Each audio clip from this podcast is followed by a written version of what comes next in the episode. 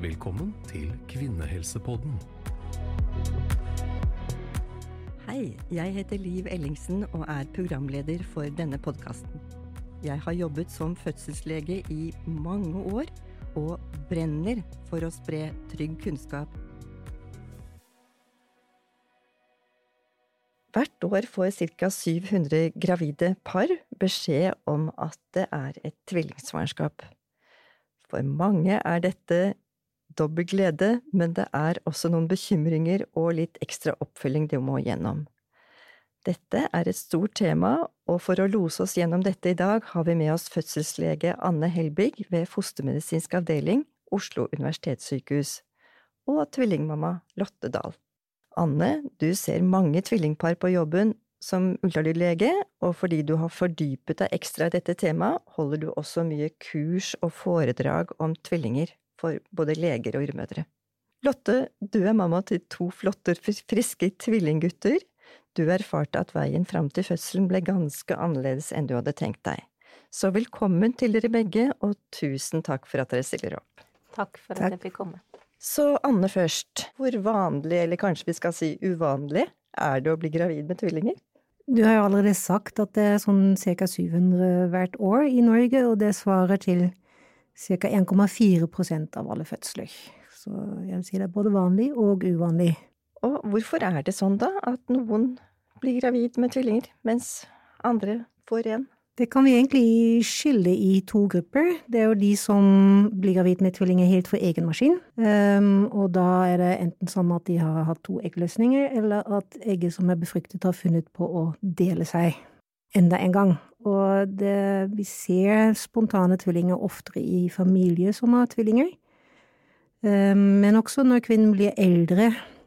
Uh, og så er det litt forskjell i forskjellige etniske grupper.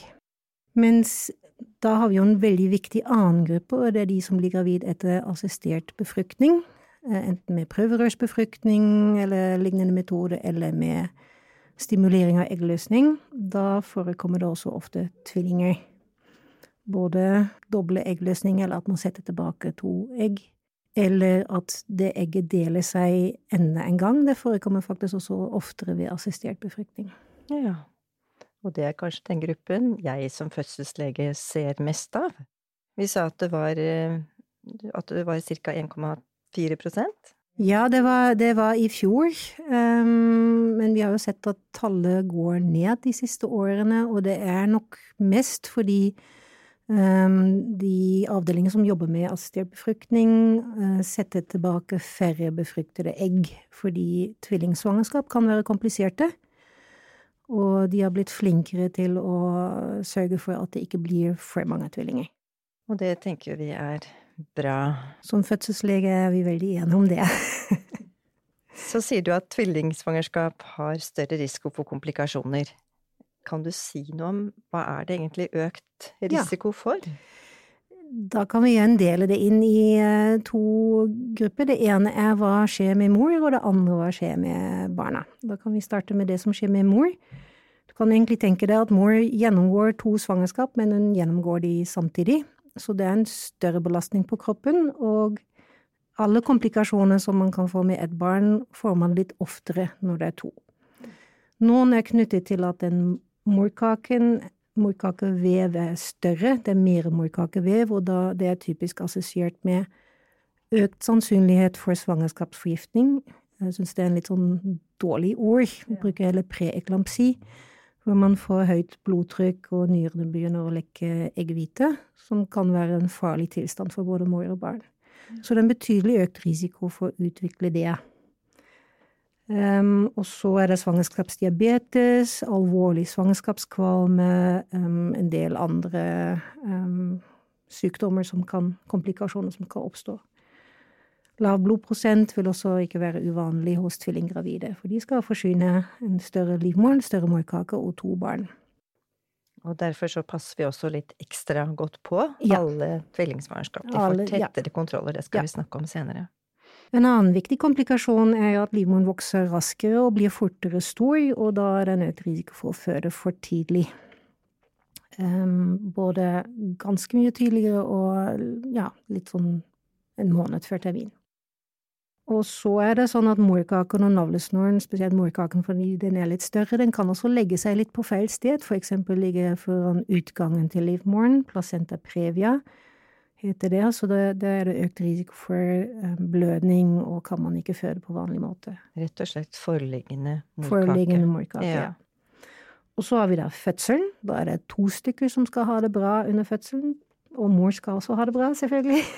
Ja, det snakker vi om i en egen podkast. Ja, ikke sant. Så man har samlet sett nok en økt risiko for eh, at man trenger vakuum, eller at vi ender opp med keisersnitt på en eller begge, og fordi det er en større sårflate etter den store morkaken, kan det også bli mer blødning etterpå. Alt det vet vi. Så alt det er vi Det er jo flere leger involvert i en tvillingfødsel enn på en, hvis det bare er ett barn. Så har vi da igjen den viktigste komplikasjonen som kan skje med barnet, er at en, en eller begge to vokser litt dårlig. Det kan skyldes enten at det er rett og slett um, en stor jobb å forsyne to barn, og det kan hende at en av tvillingene har fått litt liten del av morkaken. Litt urettferdig fordeling. Eh, det å bli født for tidlig er også et problem, kan være et problem for barna. Um, og så er det en litt økt forekomst av avvik, organavvik, eksempel hjertefeil og den slags. Så vi tar alltid en gjennomgang av det i uke 18 på ultralyd for å undersøke det.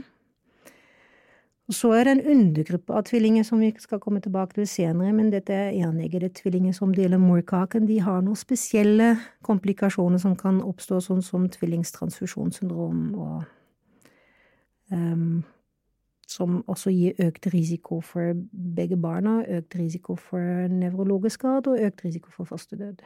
Så dette er den undergruppen, da. Dette var mange komplikasjoner, Anne, og det høres veldig farlig ut. Ja, det stemmer, det er en lang liste, det høres voldsomt ut, og jeg syns alltid litt synd på de gravide som er gravid med tvillinger, at vi må fortelle om alle disse tingene som kan gå galt. Men det er viktig å ha med seg at de aller, aller fleste går det helt fint med. Og dessuten har vi en tett oppfølging på, spesielt på de mest kompliserte tvillingsvangerskap, for å passe på at det går så bra som det går an. Det er viktig å vite. Og hvis vi nå skal si bare litt mer om det å, å føde for tidlig, um, kan du si noe om hvordan man kan undersøke om det er fare for å føde for tidlig? Ja, um, før i tiden så hadde vi som rutine å undersøke livmorhalsen med vaginal ultralyd for å se hvor lang den var, og da ble det gjort sånn cirka én gang i måneden. Det har vi egentlig gått bort fra, fordi forskningen har ikke gitt oss noen gode holdepunkter at vi skal gjøre det rutinemessig, men mange gjør det fortsatt, og du skal i hvert fall gjøre det hvis kvinnen har hatt en tidligere for tidlig fødsel, eller hvis hun har symptomer som nedtrykksfølelse, eller at det væsker en del fra skjeden, så er det viktig å få tatt den undersøkelsen. Da ser vi på lengden og eventuell åpning av livmorhalsen, og hvis den er under 2,5 cm, så er sannsynligheten for å føde for tidlig økt. Men det betyr ikke at det kommer til å skje. De aller fleste føder ikke for tidlig selv da. Men da kan vi vurdere om vi for eksempel skal gi noen progesterontabletter um, for å, å redusere sannsynligheten for å føde for tidlig. Så det har en konsekvens. Og det er viktig at noen vet at det kan hende at man faktisk blir undersøkt nedentil når man ja. kommer til ja. en uh, tvilling-ultralydundersøkelse. Og at en kort livmorhals faktisk langt fra alltid betyr at man da også føder for tidlig. Når vi nå har listet opp så mange komplikasjoner, så er det lett å tenke at man må være veldig forsiktig i et tvillingsvangerskap. At um, kan det være lurt å ta det veldig med ro? Jeg syns ikke det. Jeg syns uh, du skal leve akkurat sånn som du ellers ville gjort, og du kan være i fysisk aktivitet, og du kan jobbe, litt avhengig av hva slags jobb du har. Men du kan nok oppleve at du vil være mer sliten i et tvillingsvangerskap, både fysisk og psykisk, enn hvis det bare var én. Men det er så forskjellig at det kan man egentlig ta litt underveis i dialog med fastlegen sin. Um, så lenge man ikke har symptomer sånn som blødning eller nedtrykksfølelse og får påvist en kort hals, så syns jeg ikke at det er nødvendig med ekstra forholdsregler. Og mange har trodd at de må sykemeldes automatisk når de har tvillinger, men eh, Nei, det er heller ikke nødvendig, men det kan Mange vil ofte ende det etter hvert når Altså, det er en Svangerskap i seg selv er jo en tøff jobb for kroppen, og det å gå gravid med to er enda tøffere. Men det er også litt avhengig av hva slags jobb man har, og hvor mye man trives med å, å ha det avbrekket. så er det noen som har hørt at samleie bør man ikke ha. Det er jeg helt eh, Nei, det kan jeg ikke si at det er noe godt råd. Nei. Nei. Så sånne strenge regler, det tror vi ikke noe på. Nei. Så skal vi litt over til de forskjellige typene tvillingsvangerskap. Da begynner vi med forskjellen på eneggede og toeggede tvillinger. Hva er den store forskjellen der? Ja. Clouet ligger egentlig i navnet. To Toeggede tvillinger, da er det to egg som er involvert, og to sædceller. Og da blir det to forskjellige barn som egentlig du kan se på de som søsken, men som bare tilfeldigvis er, blir laget samtidig og sitter i samme, samme livmor. Um, det vil ofte være et resultat av en dobbel eggløsning eller av assistert befruktning. Og disse har da alltid sin egen morkake, helt separat fra den andre, og sine egne fosterhinner. Og det er de fleste Det er av de alle fleste. tvillinger. 70% av alle tvillinger er um, toegget. Og de, har da, de kan ha forskjellig kjønn, de kan ha samme kjønn. Mens eneggede, da er det bare ett egg og én sædcelle som er involvert. Da blir de likere. De, vi kaller de for identiske tvillinger. De er kanskje ikke helt 100% identiske, men de er veldig like genetisk. De har det samme genetiske De har det samme utgangsstoffet, arvestoffet. arvestoffet med noen veldig få um, modifikasjoner. Ja. Um, og det er ca. 1 av 250 av alle befruktninger, altså 0,4% av alle befruktninger, som, som er den type um, tvillinger. Så assistert befruktning, det sa jeg tidligere også, øker risikoen for at dette egget da som er fra én celle og en, en sædcelle og en én eggcelle, at det deler seg en gang til. Hvordan finner man ut av om det er det ene eller det andre? Kan du si noe Hvordan Ja, det er, eh, det er det egentlig ultralyd, um, i hvert fall før fødselen, er ultralyd kan hjelpe oss et stykke på vei med det. Det er ikke alltid at vi finner et svar. Um, men helst vil vi se det på en ultralyd mellom 8 og 14 uker. Um, og vi ser på morkaken og ser på skilleveggen, som det forhåpentligvis er det, og ser om det er en tjukk skillevegg eller en tynn skillevegg. Hvis det er en tjukk skillevegg, da har de hver sin egen morkake og hver sin egen fostersekk. Vi kaller de for dichorial, som bare er gresk for to morkaker. Og da har de hver sin egen helt separate system. Um, hvis de da har samme kjønn, så vet vi ikke om de har kommet fra ett eller fra to befruktede egg. Hvis de har forskjellig kjønn, da må jeg gå ut fra at det er to forskjellige egg som har vært involvert. Ikke minst to forskjellige sædceller, som er det som bestemmer kjønn. Og hvis vi da ser at de har en tynn skillevegg, da tenker vi at de er det vi kaller for monokjorial, altså én placenta, én morkake. Um, og det er de som vi følger, følger litt ekstra med på. De har alltid samme kjønn. Så den første ultralyden blir ganske viktig, fordi de skal jo følges forskjellig opp ut fra hvor forskjellige Ja, det har mye å si for uh, oppfølging og for komplikasjonsrisiko. Av de eneggede tvillinger så er det ca. en tredjedel som har hver sin egen morkake. De behandler vi som de andre tvillingene. Men to tredjedeler de har laget denne varianten hvor de deler, uh, deler morkaken. Det er ca. 0,3% av alle svangerskap, så det er ikke så veldig hyppig. Um, når vi snakker om at de deler morkaken, da snakker vi om at de står i forbindelse med hverandre gjennom blodkarene sine. Blodkarene som går fra navlesnor til morkaken, og så, så treffer det fra det ene barnet til det andre, så treffer noen av disse blodkarene seg. Og det er det nesten hos alle med denne varianten, og det er ikke så farlig i og for seg. Um, for de overfører da blod til hverandre, og hvis den ene får like mye som den gir tilbake, så er det fint og balansert, og det er ikke noe farlig i det hele tatt.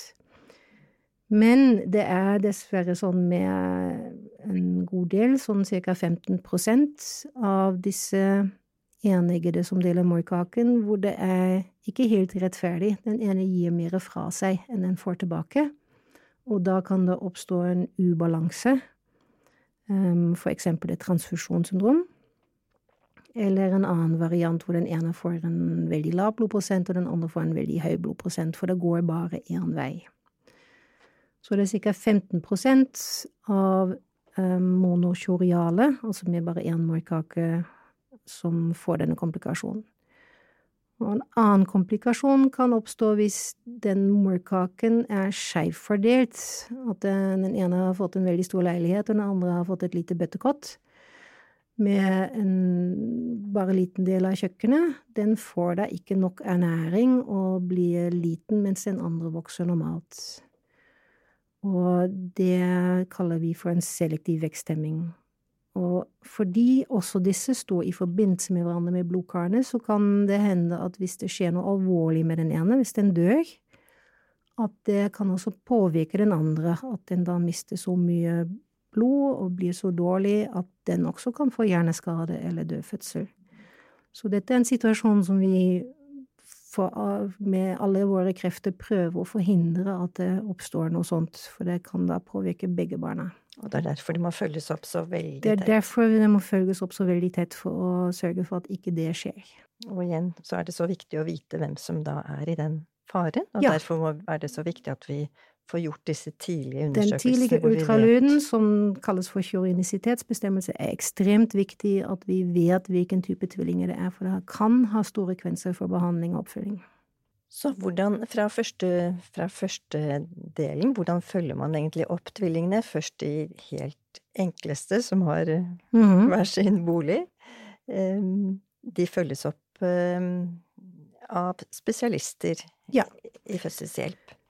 Primærhelsetjenesten er også involvert. De skal jo sørge for å passe på mors helse, de også, med blodtrykk og, og blodprosent og urin og svangerskapsdiabetes og alt det der behov for sykmelding.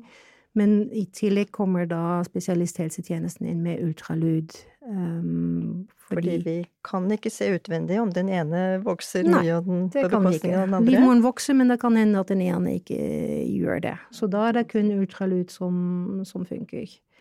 Så det, det, gjør man sånn ca. én gang i måneden fram til uke 30, og etter uke 30 så gjør man det litt oftere, sånn ca. hver tredje uke. Og i tillegg må man passe godt på mors blodtrykk, spesielt i andre halvdel av svangerskapet. Så dette blir den oppfølgingen som hovedparten av ja, norske tvillingpar får? Ja, de aller fleste får det. Og så har du da de andre, de som er enegget og deler morkaken. Det har vi da forhåpentligvis funnet ut av i uke tolv.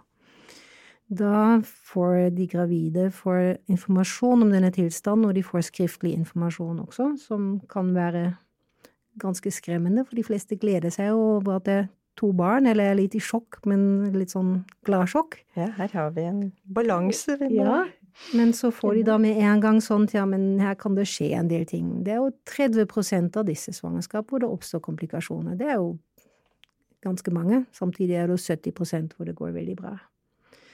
Så fordi det er en økt risiko her, så um, tar vi kontroller allerede fra uke 16 for å se på utvikling av disse komplikasjonene, og vi fortsetter med ultralydkontroller annenhver uke fram til fødsel. Hvis alt går bra, og hvis ting ikke går bra, så kan det hende at vi gjør det enda oftere. Så det kan man bare være innstilt på, at det blir mange kontroller. Men det er jo for å få mest, mest mulig resultat. Mm -hmm. Så er det kanskje noen som har hørt om laserbehandling? Ja, jeg skal uh, bare fortelle litt mer om transfusjonssyndrom, fordi det er det som, som da blir aktuelt for laserbehandling, eller kan bli aktuelt for laserbehandling. Um, transfusjonssyndrom, da er det den ene som overfører ganske mye mer blod til den andre enn den får tilbake. Så den som får så mye blod, den får en overbelastning. Hjertet blir overbelastet. Det er for mye væske i sirkulasjonen, og da um, prøver den å kvitte seg med den væsken ved å tisse masse. Og det er Da blir det mer og mer fostervann. For fostervann er stort sett fosterets urin.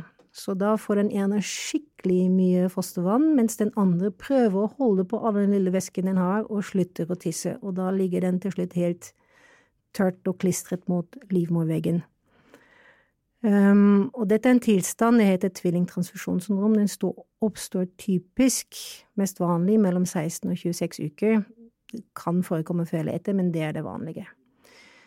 Um, det den gravide da kan ha av symptomer, er at livmoren vokser. Og livmoren vokser selvfølgelig, for det er to stykker der inne, men hvis den vokser virkelig hver dag, og du tenker at nå var den enda større, nå blir jeg litt spent her, da er det viktig at uh, man tar kontakt. Um, for det kan man faktisk merke selv. Ikke alle gjør det, men mange merker det selv. Um, og da vil vi gjerne se på dem innen 24 timer, for da er det viktig å finne ut om det er transfusjonssyndrom. Transfusjonssyndrom fins i flere grader, og det er sånn hvis du Vi har fem grader. Hvis det er i de høyere gradene, og du ikke gjør noen ting, så går det veldig, veldig dårlig med svangerskapet. Da dør de. Og hvis de ikke dør, så får de fleste en hjerneskade.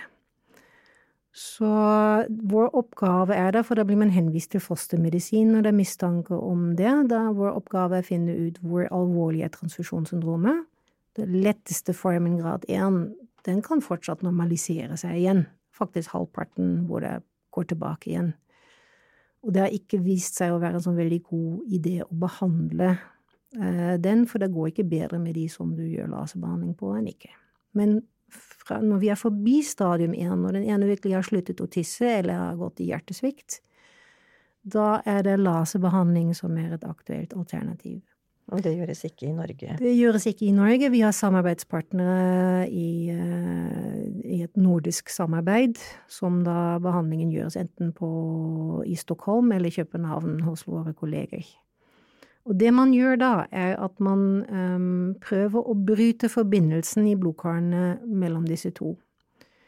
Med en laserbehandling, altså at man svir disse blodkarene til de er tette. Og egentlig lager hvert sitt eget kjøkken da for disse fostrene. 65% etter behandling så, så blir det to levende barn. Og da følges de tett opp på fostermedisin også etter at de er kommet ja. hjem? Ja. Men hos 85% uh, altså da blir det bare ett barn som overlever, og 65 er det to, to barn som overlever. Og så er det noen hvor det, hvor det blir vannavgang eller rier, eller det var for sent å gjøre noe. Så det kan hende at det, det er ca. 15 hvor, hvor vi ikke klarer å komme, komme til. Så det er fortsatt en alvorlig tilstand, vil jeg si, men sammenlignet med hvordan vi hadde det for 30 år siden, syns jeg dette er en veldig stor endring, og det er en helt enorm forbedring. Det er det, og ja. det sier jo da hvorfor vi er så opptatt av å følge opp dette så veldig tett. Ja, for det er en fordel å oppdage det litt i god tid, så at vi får ordnet alt dette her. Mm. Så bare to ord om disse veldig få som deler hele hulen, som vi ja. kaller mon anionale, mm. som bare har én hinne rundt seg? Mm. Det er um, De er litt ekstra kompliserte, fordi de, um, de er veldig få. Det er mindre enn én promille av alle svangerskap, men de har en høy dødelighet. Um, delvis fordi de kan surre navlesnorene sine i hverandre. Det gjør nesten alle, men at det da blir, hvis de trekker skikkelig hardt og lager en knute, så kan det hende at blodforsyningen stopper. De har en økt risiko, veldig økt risiko for misdannelse, og de har også en eh, Ja, vi, tror at det er litt sånn blodtrykksforskyvninger som gjør at de kan få hjerneskade, eller at det kan skje noe med de hvor de dør. Og det, det er faktisk såpass mye som, som 11-15% som ikke lever. Og det meste av disse, de fleste sånn dødsfallene skjer før uke 24. Etter uke 24 så er det sjeldnere at det oppstår de komplikasjonene. Og vi, vi følger de ganske tett, sånn ukentlig fra uke 28 cirka, Og av den grunn forløser vi de også tidligere, sånn mellom 32 og 34 uker, og alltid med keisersnitt, for hvis du begynner å dra i den navlesnorskladasen med en fødsel, da, da, vet du at det blir trøbbel. Så det er heldigvis sjelden, men de får en helt spesialoppfølging. Vi snakket om at um, det var kortere svangerskap med tvillinger, men noen går jo faktisk helt fram til termin, eller får de lov å gå helt fram til termin? Mm, Nei, de får ikke lov til det lenger. De, de eneggede som deler morkaken, det har det vært noen internasjonale studier som viser at det, det er best hvis de settes i gang rundt 36 37 uker. Da har mer enn halvparten allerede født. Um, og um, de andre, de som ikke deler morkaken, da setter vi vanligvis i gang fødselen mellom 38 og 39 uker. For det er en større jobb for morkaken og for kroppen å forsyne to barn, og det ville vært fryktelig trist hvis det skjedde noe sånn uke 40-41. Og mange gravide er jo veldig glad for når de har kommet ja, så langt, så er de også, også veldig slitne. Det er jo ikke lett å gå gravid med tvillinger. Nei, det er ofte tunge svangerskap. Ja. ja, nå har vi hørt mye om uh, teorien, kan du si, og mm. alt som kan skje, så nå skal vi gå til Lotte og høre litt om din historie. For du har kjent et tvillingsvangerskap på kroppen. Og du hadde et litt komplisert og tøft svangerskap, eh, så vi skal snakke litt om det du har vært gjennom. Men jeg tror vi bare begynner med begynnelsen. Når var det du fikk vite at det var to barn i maven, og ikke ett? Ja, det var eh, Jeg var på tidlig ultralyd i uke syv. Uh, og det var egentlig fordi jeg hadde hatt så innmari mye sånn menstruasjonssmerter og tenkte at nå er det noe galt. Eller ja. Så jeg tenkte jeg vil bare sjekke ut at det er et foster som ligger på riktig sted, og at alt er som det skal. Um, men der var det to. Der var det to. Ja. og det kom helt brått på deg? Helt ut av det blå. Jeg hadde jo liksom googla litt med når man har så mye vondt, og at det kunne vært tegn på tvillingsvangerskap, og Men jeg tenkte at det skjer jo ikke meg. Det er jo Ja. Så hvordan var reaksjonen din? Hva tenkte du? Jeg vet ikke, det er sånn rart å tenke på ettertid, for jeg, jeg, jeg vet ikke om jeg tenkte så mye der og da. Jeg tenkte bare ja, litt sånn tomt, tror jeg, med en gang. Og så tror jeg neste tanke var eh, risiko. Ja, for du at, jobber som eh, jordmor, så du har jo litt fagkunnskap mm, mm, rundt dette. Mm. Så vet du på en måte at det er, som Anne snakker om, at det er et risikosvangerskap. Eh, og tenkte liksom for tidlig fødsel, masse risiko. Så jeg tror jeg, jeg, gikk veldig fort i den negative tankeboksen. Det gjorde jeg nok. Mm. Og hvordan var de første ukene av svangerskapet da? Eh, det var jo først og fremst preget av mye kvalme. Det kanskje var det aller verste. Eh, og det er vel også typisk for tvillingsvangerskap, Anne? Ja, det er også typisk for tvillingsvangerskap, men det er ikke et veldig sikkert tegn. Det er det ikke. Nei. Det er rett og slett mer av svangerskapshormonet, tror man, som gjør at man blir mer kvalm med tvillinger. Ja.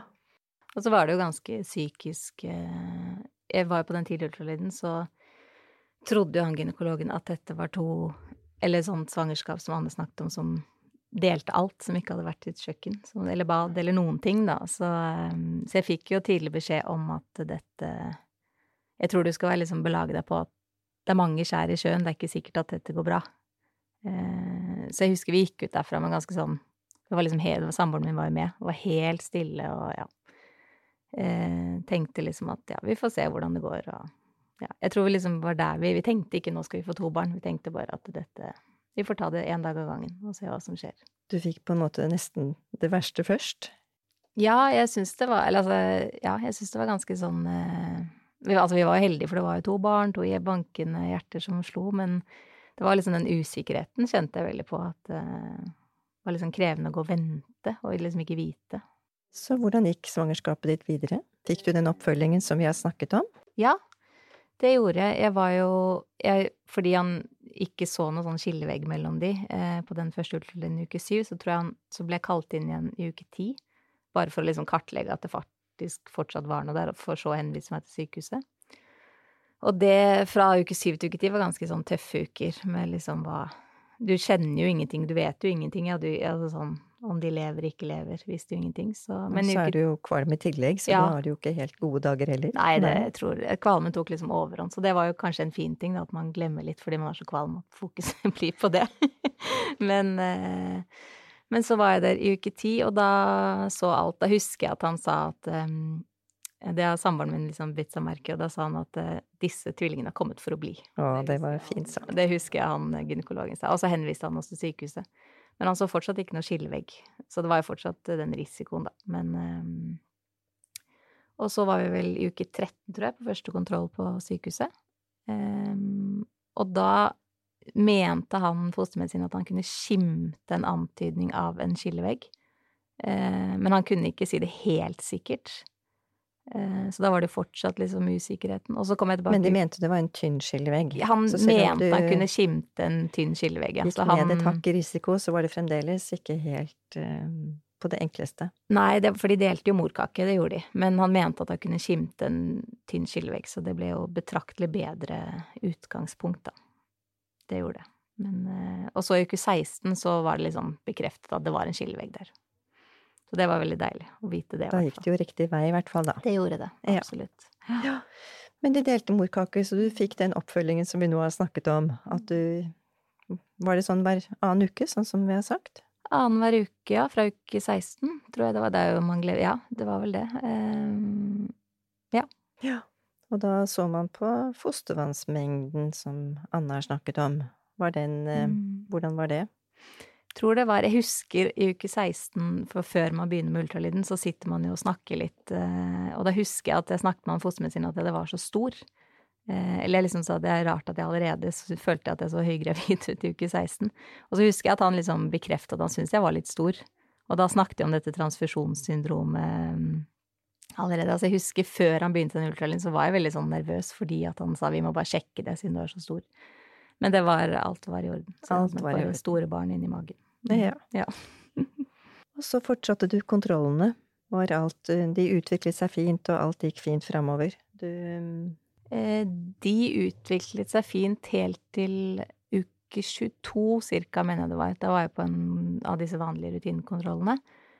Eh, og da trodde hun fostermedisinen at den ene Eller hun lurte på om hun kunne se antydning til utvikling av sånn transfusjonssyndrom. Ja. For da Altså mente at den ene hadde mer vann enn den den ene hadde mer fostervann enn den andre, og at den ene skilleveggen var liksom litt klistra mot den andre. Ja. Og da eh, husker jeg at Jeg hadde jo kontroll an- annenhver uke, men da ville hun ha meg inn igjen etter fire-fem dager. Bare for å kontrollere det. Og jeg tror kanskje de fire-fem dagene var noe av det tøffeste i hele svangerskapet. For da, ja. For da var du altså kommet akkurat så langt at det begynte å nærme seg levedyktige. Ja, det også. Og så er det sånn tullete oppi det hele, men jeg er jo livredd for å fly. Så jeg husker at han sa at jeg måtte til Tyskland. Da, vet, nå sa du København og Stockholm, men eh, Før så sendte vi til Tyskland. Ja, jeg tror, ja, det var i hvert fall det jeg fikk beskjed om. Så det er jo surrealistisk oppi all den skrekken, så er det det jeg nesten var mest redd for. Men jeg husker at jeg ikke var veldig redd for det. Og selvfølgelig at jeg måtte gjennom det, da. Men eh, ja. Men det, så kom jeg tilbake til fire dager, og da så de ikke noen antydning til det lenger. Så, Nei, så det var kanskje den grad én, da, Anne, som rett og Ja. slett reparerer seg selv? Det er ubalansert fostervannsmengde eller grad 1 som ofte kan, kan gå litt fram og tilbake. Så det var jo godt at det da ble bedre. Men så fikk du litt andre komplikasjoner. Ja, eh, jeg fortsatte jo på disse vanlige kontrollene, og så tror jeg det var i uke 26 så hadde jeg hatt veldig mye nedpress, mye kynnere. Det følte jeg at jeg hadde hatt hele tiden, på en måte. Fordi man går litt sånn psykisk rundt og er redd for at de skal komme. Eller jeg gjorde i hvert fall det. Eh, og da målte de livmorhalsen min, fordi jeg spurte om det. Eh, og da var den ganske forkortet, eller munnen var 15 millimeter. Og da ble jeg lagt inn, eh, og fikk sånn riehemmende tabletter, bare. Eh, og så var jeg vel innlagt på observasjonsposten der i noen dager, bare for å se om det var noe som utviklet seg, eller hva som skjedde. Eh, men så holdt det seg stabilt, og så fikk jeg lov til å reise hjem igjen. Eh, og så fortsatte jeg på de vanlige kontrollene, og så var det vel ikke før igjen i uke 31, tror jeg, hvor de mente at da hadde liksom livmorhalsen forkortet seg ytterligere, og jeg hadde veldig mye kynnere, mye nedpress. Så da fikk jeg sånn eh, lungemodningssprøyte. Da liksom besluttet de at nå gir vi det det. Da hadde jeg liksom kommet så langt også at de tenkte at eh, ja. Var du veldig forberedt på at dette svangerskapet ikke kom til å bli så langt? Ja, ja, ja. Og da var jeg ganske fornøyd. Jeg hadde liksom 28 som et sånt lite mål, for jeg vet at da kommer du deg over dit, så går det som regel ganske bra. I hvert fall var det min tankegang. Så når jeg hadde kommet dit, så var jeg ikke så veldig bekymret lenger. Men, men eh, Og så fikk jeg lov til, og siden jeg hadde kommet liksom såpass langt, så fikk jeg lov til å reise hjem. Etter at jeg fikk den eh, eh, lungemodningssprøyten. Og så skulle jeg bare komme innom igjen, for det skal gå 24 timer imellom de. Innom dagen etter å få den dose nummer to. Eh, og da Vi drev og flytta opp i alt dette som alle gravide gjør. Som, ja. Så vi var på vei, faktisk. Nei, på vei for å overta den nye det nye, Vi hadde kjøpt et rekkehus da, som vi skulle flytte inn i. Og da kjørte vi bare innom Rikshospitalet på veien for å få den lungebåndsprøyten. Og da var det en ny lege som så på meg, og så tenkte hun at nei, du kan ikke være hjemme. Så da ble jeg lagt inn. Da ble du lagt inn Ja. igjen. Ja. Og da var jeg der til jeg fødte, for da eh, Da fikk jeg sånn eh, riehemmende drypp, for da mente de vel at jeg hadde, det hadde liksom forkortet seg ytterligere, og, og mente at jeg hadde ganske mye Altså det var ikke noe smertefullt, men mye sammentrekninger, da. Altså sånn mye kynnere skråstrek prematurerier, kalte de det vel. Ja. Så de ville gjerne ha deg der hvis Ja. fødselen startet. Ja, de ville det. Og så prøvde å liksom dempe de takene jeg hadde, da. Så um, lå jeg inne, og så gikk det egentlig fint. Det gikk vel en ukes tid, kanskje. Og så var jeg jo generelt veldig dårlig hele svangerskapet. Hadde mye oppkast og mye kvalme og ja, var generelt dårlig. Eh, men så hadde jeg liksom de siste ukene også hatt mye sånn epigastresmerter, altså sånn smerter i mellomgulvet. Eh, men så tenkte jeg det er jo to barn der inne, og det presser på, og det kan jo være normalt. Og så hadde jeg hatt litt stigende blodtrykk, så jeg hadde liksom sjekket mye for sånn preklamsi, som Anne snakket om. Eh, men det, prøvene var helt fine, og det var liksom ikke noe som tydet på det. Eh, men så var det ikke før jeg var Det var en legevisitt, husker jeg, hvor jeg nevnte at jeg drakk helt enorme mengder med vann. Sånn tenkte jeg, så har man fått diabetes nå, husker jeg drev med, ja, men også um, Husker jeg Jeg tror det som liksom tok det, var, var en morgen så Eller den dagen det var legevisitt, så hadde jeg vært på do på morgenen, da hadde jeg hatt helt hvit avføring. Og så nevnte jeg det bare tilfeldig på lege, tenkte ikke liksom at det Ikke vanlig. Nei, men, nei, men så tenkte jeg liksom ikke at det Har jo ikke lest eller vet jo ikke at det er en Altså, jeg tenkte ikke at det hadde noe med svangerskap Jeg vet ikke, bare var helt tenkte liksom ikke. Og da så jeg liksom Da ble det tatt masse blodprøver av meg og hui og hast, og så kom de inn igjen etter kanskje sånn to timers tid og sa at nå skal disse barna ut. For da hadde du rett og slett fått en eh, sjelden svangerskapskomplikasjon? Ja. Akutt Så- fettlever. Ja. Mm. Aldri hørt om før og aldri Som er veldig sjelden, men som Mhm. faktisk også er mer vanlig blant tvillinggravide, da. Så det var Så da fikk jeg en eh, ballong, husker jeg. Da ringte jeg han samboeren min som drev og flytta, da, så For nå må du komme. så En Ja. ballong i livmorhalsen. En ballong sette sånn i, i livmorhalsen for å sette i gang fødselen. Riktig. Mm. Mm. Den fikk jeg på kvelden, og så Den falt vel aldri ut, men de dro den ut da, på morgenen dagen etter. Da. Og så tok de vann, og så hadde vi hvis ikke du har født nå innen liksom ut på ettermiddagen, så blir det keitsnytt. Men de kom ut, så det gikk bra. Det var fint. Så selv om du har hatt så mye komplikasjoner, så ble det egentlig en ganske fin avslutning, da, hvis jeg forstår det Absolutt. riktig? Fødselen var kjempefin, og det, ja. Jeg var ikke så god på å være gravid, men jeg var ganske god på å føde. Enden er god, er alltid ja, mann. Ja. absolutt. Så det, Eh, Du sier at du syns du var kommet langt. Eh, Mm. Mannen din, hva syns han om dette her? Han ble vel gående litt sånn på siden, kanskje? Ja, glem, jeg tror vi liksom glemmer litt han oppi det. Eller at jeg også kanskje gjorde det, for jeg har jo skjønt i ettertid at han Han har nok syntes det har vært ganske tøft, fordi at han Det er jo han jo har, jobber jo ikke noe med dette, har ikke vært borti det før, og liksom var Ja, vært veldig sånn uvitende. Det har jo på en måte bidratt til at det blir ikke flere barn, for å si det sånn, som han sa. For han ble så skremt av denne Ja, hele historien at uh... men han var jo som regel med på de fleste kontroller. Jeg synes det var veldig sånn trygghet, for man vet jo aldri hva som skjer. Det er ja, så mye som Du kan eh, få beskjeder som det er viktig å Mm. være to Ja, jeg kjente i hvert fall veldig på det, at jeg syntes det var fint. Altså mot slutt, eller sånn fra uke 28, så var det ikke alltid han var, men sånn i hvert fall i starten så var han med. Ja. Som regel. Men jeg tror han syntes det var eh, Altså, ja, jeg tror han syntes det gikk fint, men jeg tror nok han har blitt mer skremt enn jeg har skjønt i etterpåtid, da. Mm. Han sa han var veldig overrasket når de kom ut, at de gråt. For han var liksom forberedt på at de skulle komme ut helt livløse. Ja. Ja. Men de gråt, og fødselen gikk fint. Hvordan har det gått med dem etterpå? Du, det har gått kjempefint. De ble jo født da i uke 32 pluss 6. Um, ble jo lagt rett på nyfødt intensiv, eh, men det var jeg veldig forberedt på, visste jo at det Med litt sånn pustehjelp og litt eh, mat, sondemat og Rett og slett fordi de var for tidlig litt født? for tidlig. Altså de var ja, Mm. umodne og ja. Men det har gått kjempefint. Så vi var vel der i fire ukers tid på nyfødt, og så reiste vi hjem, og i dag er de tre, nei, to meget aktive treåringer. Mm. Det er godt å høre at Mm. det kan gå så fint når du Ja, har hatt et så vanskelig svangerskap. Mm. Anne, har du noen kommentarer eller spørsmål til Lotte? Eh, ja, som vi eh, du allerede har sagt, det var mye bekymringer og mye kontroller. Og det er det vi ser når det blir komplisert tvillingsvangerskap. Det er, det er et tøft løp. Hvor man hele tiden går rundt og kan bekymre seg over alt som kan komme til å skje. Som noen ganger også er vanskeligere å takle for partneren, som ikke kan gjøre så mye, som er, i tillegg er litt redd for deg. Um, det er bare lurt på, hadde du noe spesielt triks å klare deg med den bekymringen, eller tok du bare som det kom, eller? Ja, godt spørsmål. Det er liksom så rart, for når man er i det, så kommer man seg Akkurat som man er i sånn overlevelses... Ja. Jeg vet ikke om jeg gjorde så mye spesielt, eller um, Nei, det vet jeg faktisk ikke. Om det Kanskje vi skulle passet mer på mannen din? Ja, kanskje, ja det er Ja, kanskje det at man skulle spurt han litt, for det blir jo mye fokus på den gravide. Ja. Det har jeg jo tenkt på etterpå, i hvert ja. fall siden jeg liksom også er jordmor og kjente mye av det faglige, så tror jeg kanskje man lett glemte han litt oppi det hele. At man liksom kanskje har lett for å glemme partner, da. Ja. For jeg tror nok kanskje det var tøffere for han, for jeg var jo veldig i det, fikk jo masse informasjon, var jo ja, Og i tillegg, kjente i tillegg helsepersonell Ja, ikke ikke sant, like så- bekymret, så det Så kanskje det, ja, ikke glemme partner. At Ja. liksom helsevesenet Mm, også er flinke til ja. å huske på han, da. Ja. Man drar inn partner. Det er et viktig poeng Mm. som vi må ta med oss. Så Lotte, nå har du også hørt hva Anne har fortalt. Det er sikkert mye mer enn du visste da du ble gravid. Eh, er det noe spesielt du vil spørre Anne om?